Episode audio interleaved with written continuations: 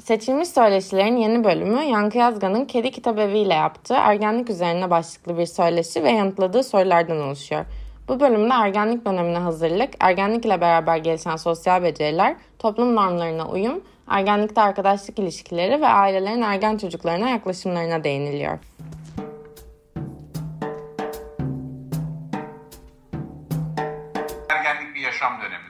Birincisi bunun üzerinden gitmek önemli ve öncesi ve sonrası olan bir zaman dilimidir ve e, insan beyninin önemli bir gelişim dönemidir. Yani bu ergenliği farklı kılan ergenlik kavramı zaten beden gelişimiyle tanımlanmış bir zaman dilimidir. Beden gelişimi olduğu için ergenlik oluyor. Bir ergene baktığınızda tamamen bir ergenin bedensel gelişim, bedensel gelişimin tetiklediği beyinsel gelişim ve bununla birlikte hayatta belli rollere hazır oluş amacını güden bir psikososyal dönem. Herkes işte Aa, çocuğumuz artık ergen oldu acaba ne yapacağız gibi bir soruyu gündeme getirir.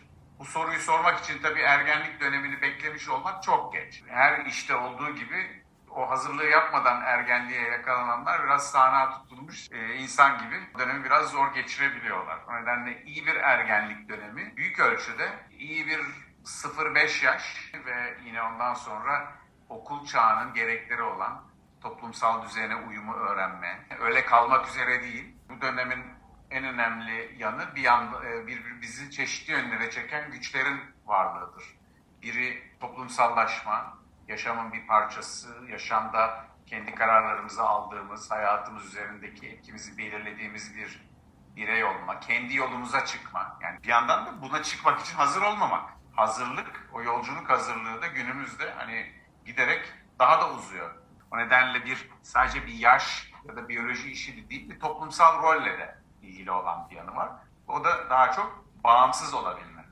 Bağımsızlık da bir hazır oluş işi. Buna hazır olan e, ergenler, daha iyi hazırlanan ergenler, kendileri hayatları üzerindeki kontrolü sağlamanın, sağlayabilmenin verdiği güven duygusuyla oldukça keyifleri yerinde oluyor. Bu kontrolü sağlamakta zorlanan, yaşamlarını mecburen bazen analarına babalarına yine teslim etmek zorunda kalan gençler ise bu durumu kendilerindeki gelişim kusuru diyelim ya da eksiğini daha doğrusu bir kısmı anne babasını sorumlu tutmaya başlıyor. Anne babalarla en sert çatışmaların hatta düşmanca ilişkilerin bazen olduğu dönem de yine bu zamana denk geliyor. Çünkü yaşam karşısında o kadar da donanımlı olmadığını fark ettiğinde gençler kendi donanımsızlıklarının sorumluluğunu üstlenmek kolay değildir bu yaşta. O ağır geldiğinde. Biraz ana babaya yüklenme, kısmen de öğretmenlere yüklenme olur. Bizi iyi yetiştiremediniz falan diye. İnsan ruhsal gelişimi düz çizgi izleyen bir gelişim değil. Yani daha çok duygulardaki iniş çıkışlara bağlı, davranışlarımız ve düşüncelerimizdeki değişikliklerin yoğun olduğu bir zaman ergenlik dönemi. Mesela ruhsal bozuklukların yani normalden uzaklaşma diyelim buna. Aşırılaştığı, kişinin yaşamına, çalışmasına, ilişkilerine zarar verdiği ya da engel olduğu noktalarda buna daha çok ruhsal bozukluk olarak bu durumları tanımlıyoruz. Depresyon şu bakımdan önemli. Örneğin gençlerde e, en sık rastlanan ruhsal hastalıklardan birisi diğeri kaygı bozukluğu genellikle işte madde veya alkol kullanımı diye tanımladığımız durumlarla ilişkisi var. Genç kuşakta ülkeden ülkeye değişen ama iki, genellikle ikinci ya da üçüncü sırada gelen ölüm nedeni olan intiharla ilişkisi var. O yüzden de ergenlik hani bütün o neşeli, keyifli, eğlenceli gibi gözüken tablonun arkasında hem depresyon, intihar gibi ciddi ruhsal sıkıntıları barındırıyor hem de aynı şekilde o düzeye varmasa bile birçok genç öyle neşelilikten ziyade daha çok üzüntü ve hüzün gibi duyguların e, egemen olduğu ama bazı aşırılıkların diyelim e, o hüzün duygusunu e, alt etme için olan çabaları da yansıttığı bir dönemden bahsediyoruz. Baktığınızda belleğin en önemli özelliği e, negatif anıları ayıklama gücünün çok yüksek olması. Eğer o gençliği kazasız belasız atlatırsa genellikle iyi hatırlanan, e, güzel hatırlanan bir zaman oluyor. Bu olayları, travmatik olayları yaşayanlar bile uygun şekilde desteklendiklerini, atlatabildiklerini e, biliyoruz. Toplum çocukları, gençleri kendi normlarına ve normallerine çekmeye çalışırken anne babalar da aynı şekilde çocuklarını kendi normallerine ve kendi kültürlerine çekmeye çalışıyor. Özellikle Türkiye gibi bir ülkede anne baba normali ve toplum normali arasında çok büyük farklar olabildiğini gördüğümüz durumlar oluyor. Bu durumda çocukların bu norm ve kültür çatışmasının ortasında kalmaması için neler yapılabilir? Mesela ders çalışmak. Değil mi? Ders çalışmak ya da ders başarısı. Okulu okulu ciddiye almak. Ne kadar e, Türkiye ortalamasının mesela okulu ciddiye alma normali bildiğiniz gibi bu pizza skorlarında filan da görüldüğü gibi işte 40 üzerinden 2,5 matematik puan almak mesela. Türk normu bu. Aslında bu norma doğru kimse gitmek istemiyor. Kimse çocuğunun 40 üzerinden 2,5 almasın. Ne, ne aileler, ne öğretmenler, ne devlet böyle bir böyle bir arzu yok. Yani bazı normaller yapısal sebeplerle oluşuyor. Yani böyle bir sistem içinde o norm oluyor. Yani o nedenle toplumsal norm bir e, çekim noktası olabilir ama toplumsal norma uymak zorunda o daha olduğumuz yerlerle yani bazı konularda hiç uymak zorunda değiliz. Yani normun e, tutsağı olmadığımız yerler var. Ya da diyelim ki Türkiye'nin e, erkekler için boy ortalaması 1.69. Aa, çocuk 1.90 hay Allah norma uymadı gibi kimsenin dert etmediğini biliyoruz. Yani her norma uymamakta insanlara bir sıkıntı yaratmıyor. O nedenle hani norma uyma uymama konusu e, de biliyorsunuz bir istatistiksel normlar var. Bir de daha sosyal olarak tanımlanan normlar var. Çoğunluğun yaptığı ile bir yandan da beklenen normlar. Mesela başarılı olmak beklenen bir norm. Yani ders başarısından ama çoğunluk başarılı değil. O nedenle bence norm temelinde düşünmemiz yani ya da efendim herkes bilgisayar oyunu oynuyor şu saatte ben oturup niye soru çözeyim? Doğru. Hangi norma uymak istediğine bakıyoruz evladım. Yani anlatabiliyor muyum? Sen hangi normda olmak istiyorsun? E ben ileride işte CEO olacağım falan. Şimdi çocuklarda böyle değişik meslek özlemleri var ya. E, peki nasıl olacak bu? İşte birden olu verecek bir gün diye şey yapıyorlar. E, şimdi o nedenle e, bir kısım şey anne baba olarak bize düşen görevler var. Hani çocuğun e, bazı konularda çerçevesini çizmek yani. Ya benim komşunun oğlu her gün bunu yapıyor. Ben niye yapmıyorum? Bu da senin şanssızlığın diyoruz bazı çocuklara. Yani. Çünkü her ailenin kültürel normları var. Bazı aile tatile yaylaya gidiyor, bazısı deniz kıyısına gidiyor. Herkes denize gidiyor, biz niye yaylaya gidiyoruz diyen bir çocuk vardı. E ne yapalım? Sen de Karadenizli bir aileye doğmuşsun yani. Yapacak bir şey yok. Antalyalı bir aile ya da Mersinli bir ailede olsa başka türlü. Yani bir yandan da çocukların bu büyüme dönemi bir gerçeği kabul etme. Yani norm dediğimiz şey aslında eğer bir gerçekse yani yaylada doğmak gibi, işte Karadeniz'de doğmak, Türkiye'de doğmak yahut Suriye'de doğmak gibi. Yani anlatabiliyor muyum? Bu bir normal yani o yüzden e, gerçeği kabul etme e, bu yaşta öğrenilmeye başlanan bir şey. Yani ben az emek verdim, sonucu da ona göre oldu. Bu bundan büyük bir ders yok aslında insana mesela. Ama bunu ancak bu yaşta alıyorsunuz. Ama e, tabii buna fırsat vermek gerek. İyi okullar bence özellikle ergenlikte ana babanın rolü aslında çok minimalleşiyor. E, o nedenle hani okulların yapısı, okulların geliştiriciliği, e, okulun neyi geliştirmeyi amaçladığı tartışması e, asıl konu oluyor. Yani okul toplumsal hazır oluş için ana yer o. Anne baba açıkçası etkimiz çok sınırlı kalmaya başlıyor. Hele lisede. Özellikle iki çocuğu olan ebeveynler çoğu zaman bir çocukları başarı elde ettiğinde diğerinin de başarı sayılabilecek bir davranışını bulup takdir ediyorlar. Böylece iki çocuk da övgü almış oluyor. Bu durumda gerçekten başarısı daha büyük olan çocuğun başarısının yeterince değeri bilinmemiş gibi görülebiliyor. Bu gibi durumları aileler nasıl yönetebilir? Başarıyı e, övüyor olmanız bence başlı başına güzel bir şey. Yani yapılanı yani övecek bir şey bulmaya çalışmanız da öyle.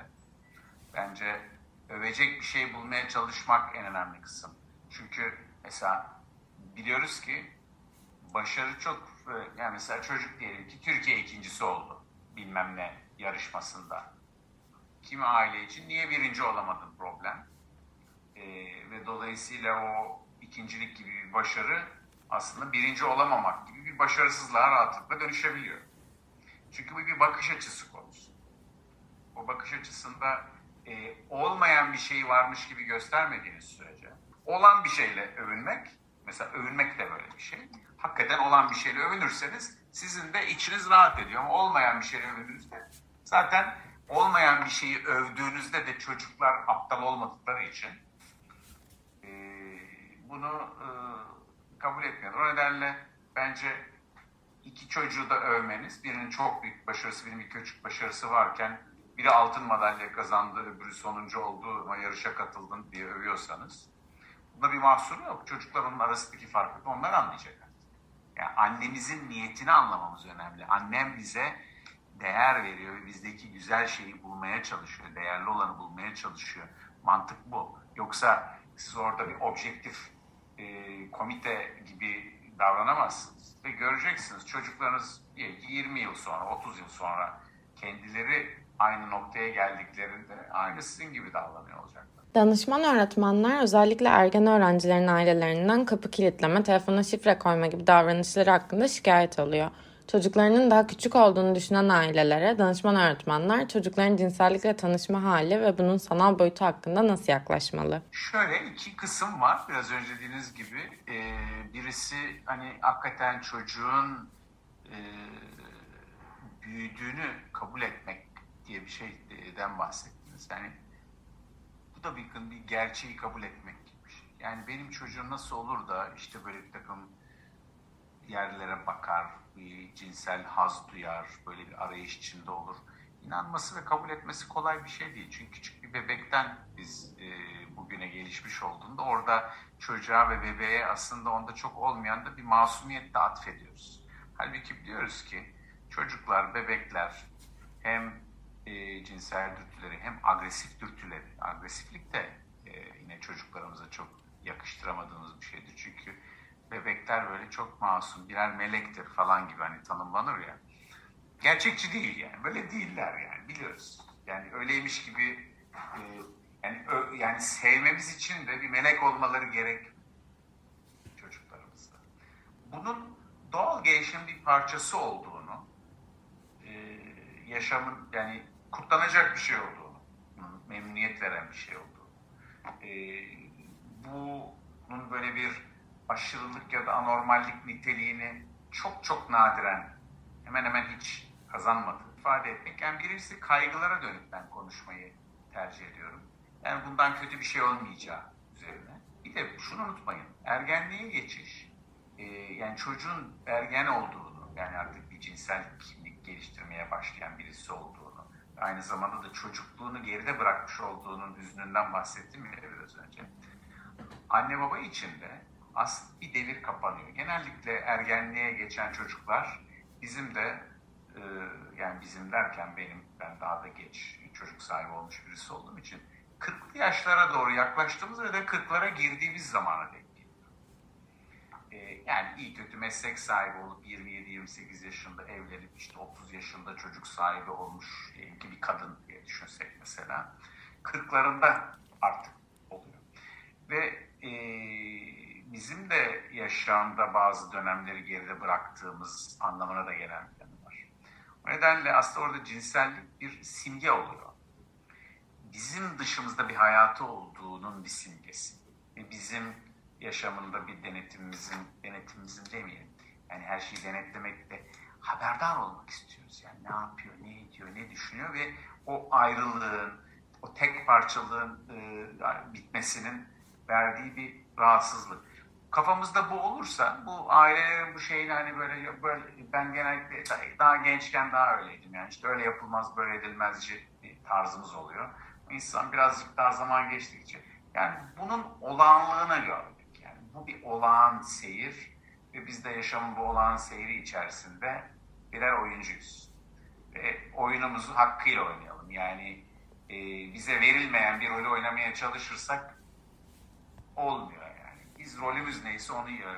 Bence bir danışmanın göre, görevi ya da en faydası kişinin o mesela bir annenin babanın o çocuğun hayatındaki en iyi oynayabilecekleri rolü bulmasına yardım etmek oluyor. Onun için de anne babanın kendini anlaması, bu konudaki kaygılarını odaklanmak, konu bir çocuk konusu değil aslında. Buradan gitmek faydalı olur. Günümüzde çocukları uyaran çok fazla şey var. Bunların başında da sosyal medya, televizyon ve oyunlar geliyor. Buna rağmen geçmişteki çocuklara kıyasla daha boşlukta görünüyorlar. Bu dönemde çocuklar hep ailelerine kalıyor ve onlar aracılığıyla bir şeyler yapıyorlar. Çocukların gerek okul gerek kariyer adımlarında ailelerinin büyük müdahaleleri daha doğrusu yardımları oluyor. Çocukları anne baba desteğinden de yoksun bırakmadan aileler bu anne baba elinde olma durumunu nasıl yönetebilirler? Tabii dediğiniz ve temel bir konuya işaret ettiniz. Yani bu soru değil ama bir sorun. Manitel bir sorun, böyle bir sorun var diye düşündüğünüzde benim yani bu konuda birçok cevap verilebilir. Yani herkesin e, üretebileceği fikirler var. E, ama benim en çok dikkatimi çeken şey e, yaşamın e, sizin ya da benim ya da başkalarının e, yani değişik bundan 10 yıl, 20 yıl, 30 yıl, 40 yıl öncesine, 50 yıl öncesine göre giderek çapraşıklaşması. Denebilir ki daha eskiden işte internet mi vardı, fax makinesi yoktu, fotokopi yoktu. Yani ben e, tekstil makinesiyle okumuş bir öğrenciyim mesela. E, şu an tekstil makinesi desek müzede duran bir aletten bahsediyoruz. Yani e, bu gözle bakarsanız yani dünyadaki değişimin hızının çok arttığı yani bu da zaten değişik yayınlarda ok yani değişimin hızının arttığı bir çağdayız.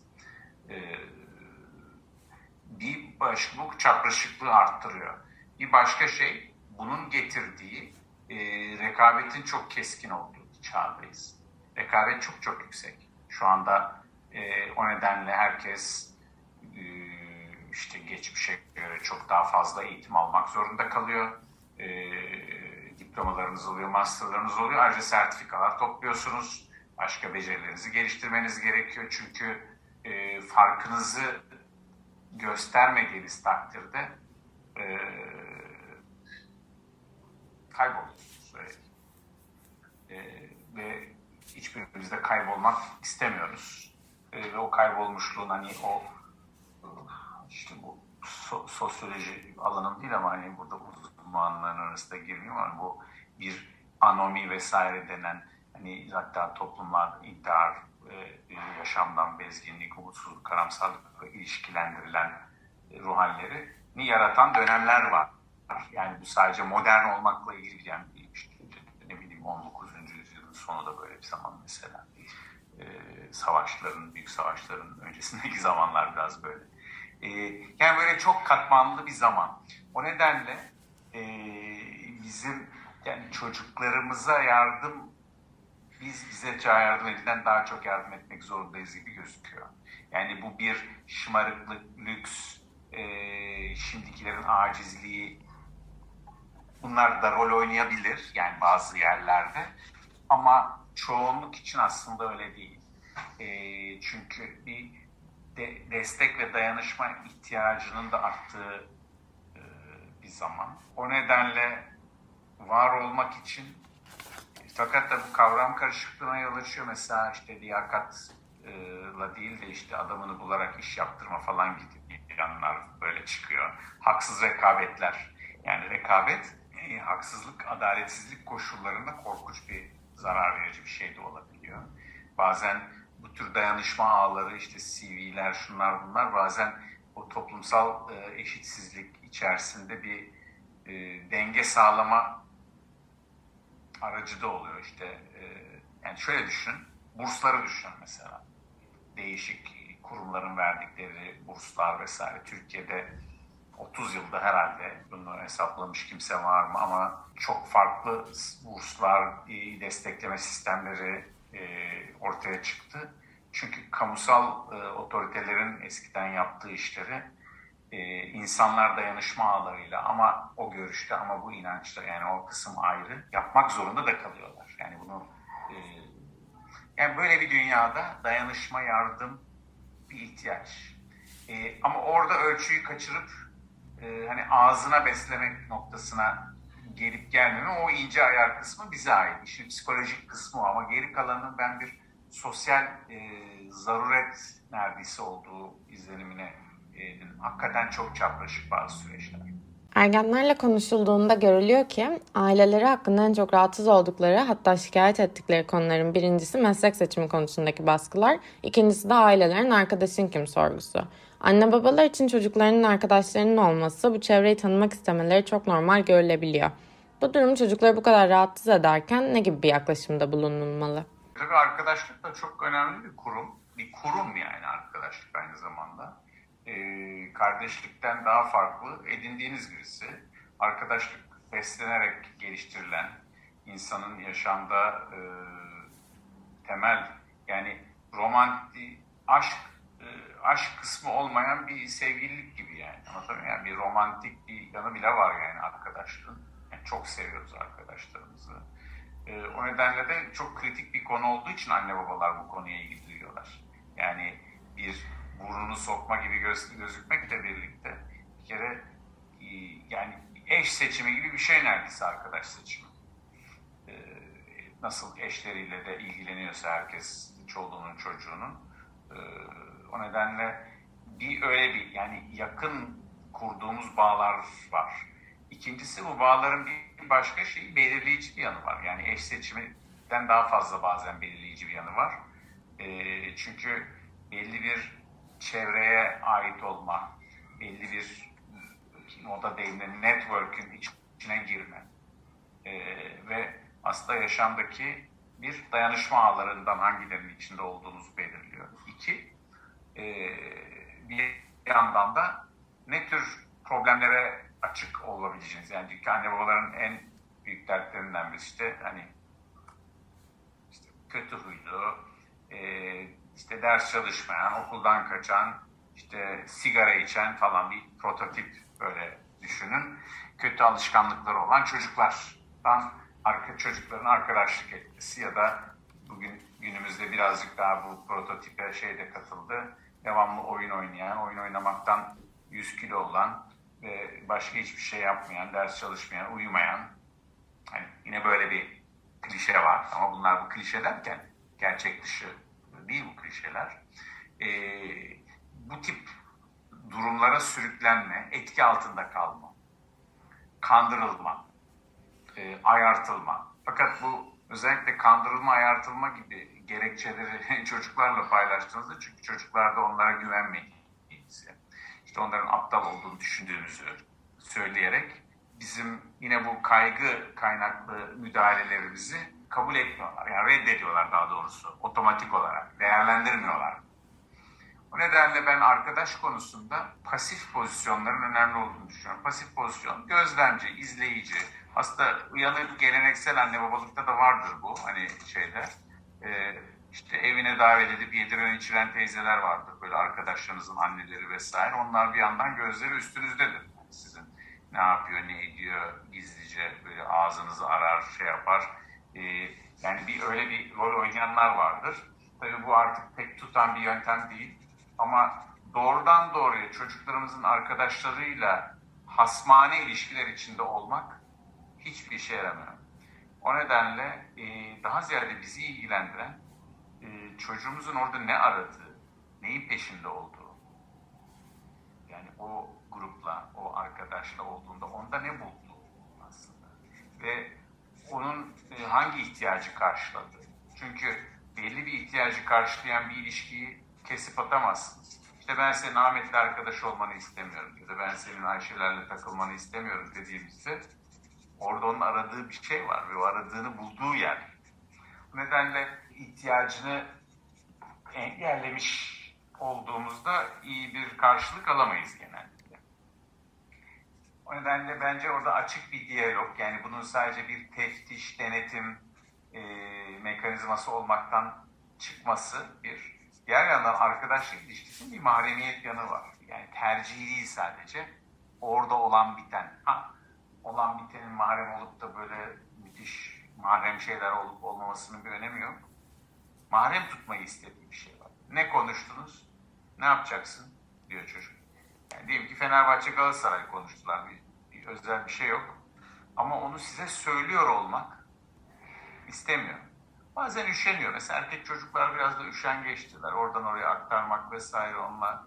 Bak öğrenip ne yapacaksın? Hani bu böyle işte ne yaptın diye sorulan bazı eşlerin anlatmaması gibi diye bir hanım söylemişti bana.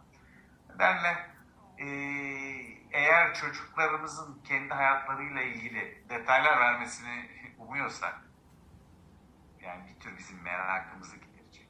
Bu geneldeki bir açık iletişimle ancak mümkündür. Yani bir pürüz çıktığında ne tür reaksiyon aldığına bağlı olarak çocuklar bize meseleleri getiriyorlar. Çünkü arkadaş ilişkileri ne zaman bir pürüz çıkar? E, getirip de bin tane nasihat işiteceğine konuyu açmıyor. O nedenle güvenli iletişim bu denen şey tercihleri yaptıkları için yargılanmıyor olmak diyelim. E, ve hakikaten yardımcı olacağınıza yani sadece laf etmeden çözüm üretebileceğinize inanmak olduğunda çocuklar e, bu konuyu gizli tutmaktan çıkartıyorlar. Benim önerim olur. Yani oradaki bu arkadaşlıkla ilgili. Biliyorsunuz Doğan Cüceloğlu rahmetli hocanın e, son dönemdeki çalışmalarında özellikle gençlerle ilgili yani ergenlik değil ama daha 17-18 sonrası için onun öngördüğü gündem maddesi iş ve eş seçimi. Yani yaşamın iş ve eş seçimi üzerinden cereyan ettiği bir döneme doğru gidiyorlar çocuklar. Ee, ortaokul, lise yılları da daha ziyade arkadaşlık ve e, akademik yönelim seçme. Yani iş okuldan farklı bir yer biliyorsunuz. Ee, yani okumak, işte hangi dalda okursanız okuyun. İşiniz bambaşka bir şey de olabiliyor. O eğitiminizi nerede kullanacağınız meselesi. Arkadaşlık da özellikle ortaokul, lise yıllarında gerek hem cinslerle gerek e, karşı cinsten çocuklarla olan arkadaşlık arkadaşlık. Yaşama çok önemli bir hazırlık, başkalarıyla birlikte olmayı öğrenme gibi kritik unsurları içeriyor. Onun için mesela çocuklarımızın iyi okullarda okumasını istiyoruz. İyi okul derken kastedilen uç davranışları olmayan çocukların e, olduğu vesaire diye yani tanımlanıyor. Bize benzeyen insanların olduğu okullara yollamaya çalışıyoruz. Ama bu iyi mi, kötü mü bilmiyorum. Ama anne babaların davranışların çoğunu rahatlatma, kendini rahatlatma, kaygıları giderme, olası tehlikelere karşı önlem alma oluşturuyor. Bu da bazen e, çocuklar tarafından anlaşılması çok zor. Dert ettiğimiz şeyleri e, onları dert etmeye değer görmeyebilirler.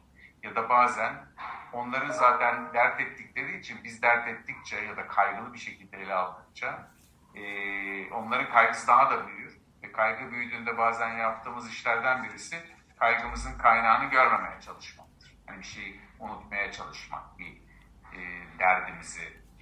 O zaman o nedenle de bazen çocuklar umursamaz gözükebilirler. Umursamaz gözüktükleri şeylerin bir bölümü fazla umursadıkları bir şey olabilir. Yani bunlar böyle olasılıklar. Hani çocuklar bazında rastladığım benim, duyduğum, gördüğüm e, şeyler. Bu gözle baktığınız zaman zaten anne baba inanın durumların çoğunda kendi yolunu buluyor.